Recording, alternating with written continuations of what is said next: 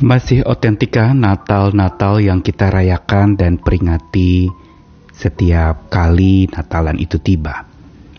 Tentu saja pertanyaan ini jelas bisa dijawab sudah tidak otentik lagi karena pergeseran zaman, pergerakan waktu yang menyebabkan kisah-kisah Natal yang mula-mula itu juga sudah bercampur dengan berbagai macam komersialitas yang menyebabkan Natal itu sudah diiringi dengan bungkusan-bungkusan yang kadangkala malah mengkamirkan atau menghilangkan esensi atau isi dari Natal itu sendiri.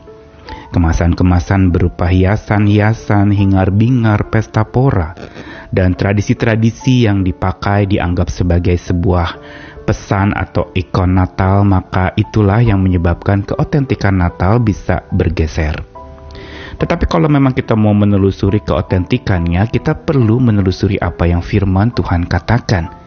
Karena Natal sesungguhnya bukan sebuah pesta pora. Natal justru identik dengan segala macam kesederhanaan bahkan kalau mau lebih jauh lagi, Natal mula-mula yang otentik itu berkaitan erat dengan sebuah kondisi yang tidak baik. Bumi sedang murung, sedang bingung, dan sedang berkabung. Karena itu menelusuri Natal yang otentik kita perlu berbesar hati dan memahaminya. Bahwa Natal yang sekarang ini kita rayakan itu sudah berbeda jauh dengan Natal yang mula-mula dulu. Tapi apa sebenarnya yang membuat Natal menjadi begitu otentik?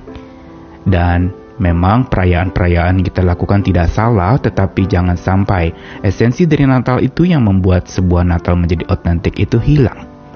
Saya Nikolas Kurniawan menemani di dalam Sabda Tuhan hari ini dari satu Mazmur pasal 30 ayat 12 dan 13 Aku yang meratap telah kau ubah menjadi orang yang menari-nari, kain kabungku telah kau buka, pinggangku kau ikat dengan sukacita, supaya jiwaku menyanyikan mazmur bagimu dan jangan berdiam diri. Tuhan Allahku, untuk selama-lamanya aku mau menyanyikan syukur bagimu. Cuplikan akhir dari Mazmur 30 ini merupakan sebuah penyerahan sekaligus pengharapan dan sekaligus kesaksian dari pemazmur tentang apa yang Tuhan lakukan bagi mereka yang meratap, bagi mereka yang berkabung, bagi mereka yang sedang mengalami masa-masa murung di dalam kehidupannya.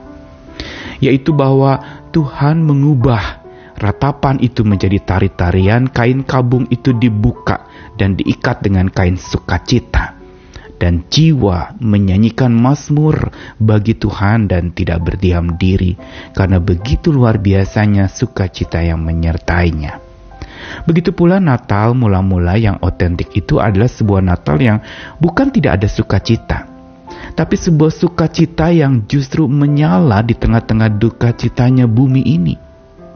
Sebuah sukacita yang terjadi secara luar biasa bukan instan tetapi konstan dari karya Allah. Bukan sukacita yang dibuat-buat, bukan kegembiraan yang sekedar hingar-bingar dan keramaian kumpul berkerumun bersama-sama, tetapi justru dalam sepi, dalam sunyi, dalam jauh dari keramaian dan kerumunan. Kalaupun ada saat Natal mula-mula, orang mungkin melakukan perjalanan berbondong-bondong untuk mengadakan sensus penduduk yang dilakukan untuk seluruh dunia waktu itu. Tetapi saat di mana Yesus bayi Natal itu lahir, maka suasana menjadi begitu muram, suasana sedang murung. Dunia itu sedang bingung karena Tuhan 400 tahun antara perjanjian lama dengan perjanjian baru tidak bicara.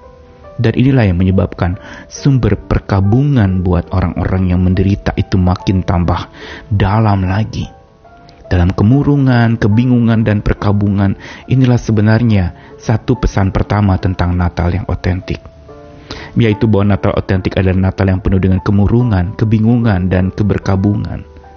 Karena itu kalau hari ini ada yang merayakan Natal atau dalam masa-masa Natal justru terjadi sebuah peristiwa yang buruk, menimpa, ada kemurungan, ada kebingungan, sebenarnya kita sedang dibawa kepada keotentikan Natal mula-mula itu yang memang sedang murung, bingung dan berkabungnya dunia saat itu. Bahkan ketika Tuhan tampak tidak berbicara, dunia menjadi sunyi sepi. Dan Tuhan pilih orang-orang yang memang gak banyak kelompok kecil, mulai dari Maria, lalu kemudian Yusuf, begitu juga disiapkan ada Elizabeth, Zakaria, dan juga para gembala, yang lalu kemudian beberapa tahun kemudian orang majus kemudian datang menyembah Yesus. Semua dalam kondisi yang serba suram, temaram, tidak ada lampu-lampu. Dalam keadaan kabung, tak berpengharapan.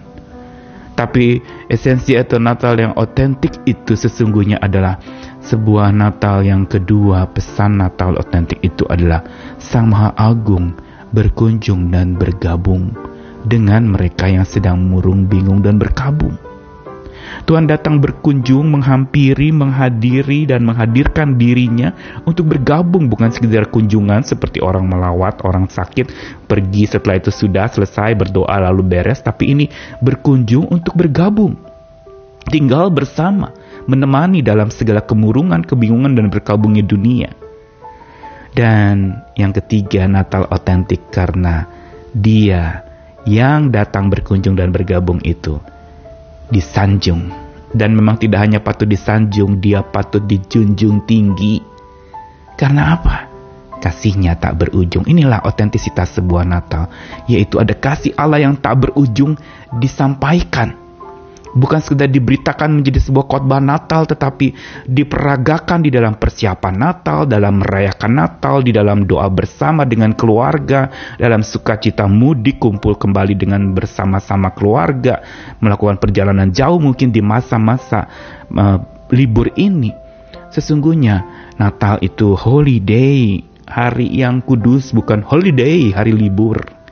Tapi hari di mana dunia sedang dihibur oleh Tuhan Murungnya sedang dihibur, bingungnya sedang Tuhan berikan jalan keluar, dan berkabungnya Tuhan sedang hapus air mata bumi ini. Natal otentik karena sama agung itu bukan saja berkunjung tapi dia bergabung.